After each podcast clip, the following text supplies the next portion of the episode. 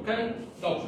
Pamiętamy. Funkcja input potrafi wczytać dane ze standardowego wejścia, a więc z klawiatury i przekazać je do zmiennej, którą nazwaliśmy myName i wówczas możemy to myName za pomocą fstringów wypisać na ekranie.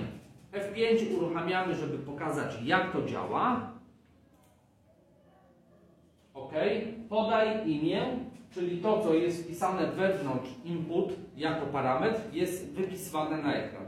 Ja podaję to imię, Adam, naciskam Enter, on mi liczy, wypisuje, że mam 16 lat, jaki miły, dziękuję serdecznie. Mamy to.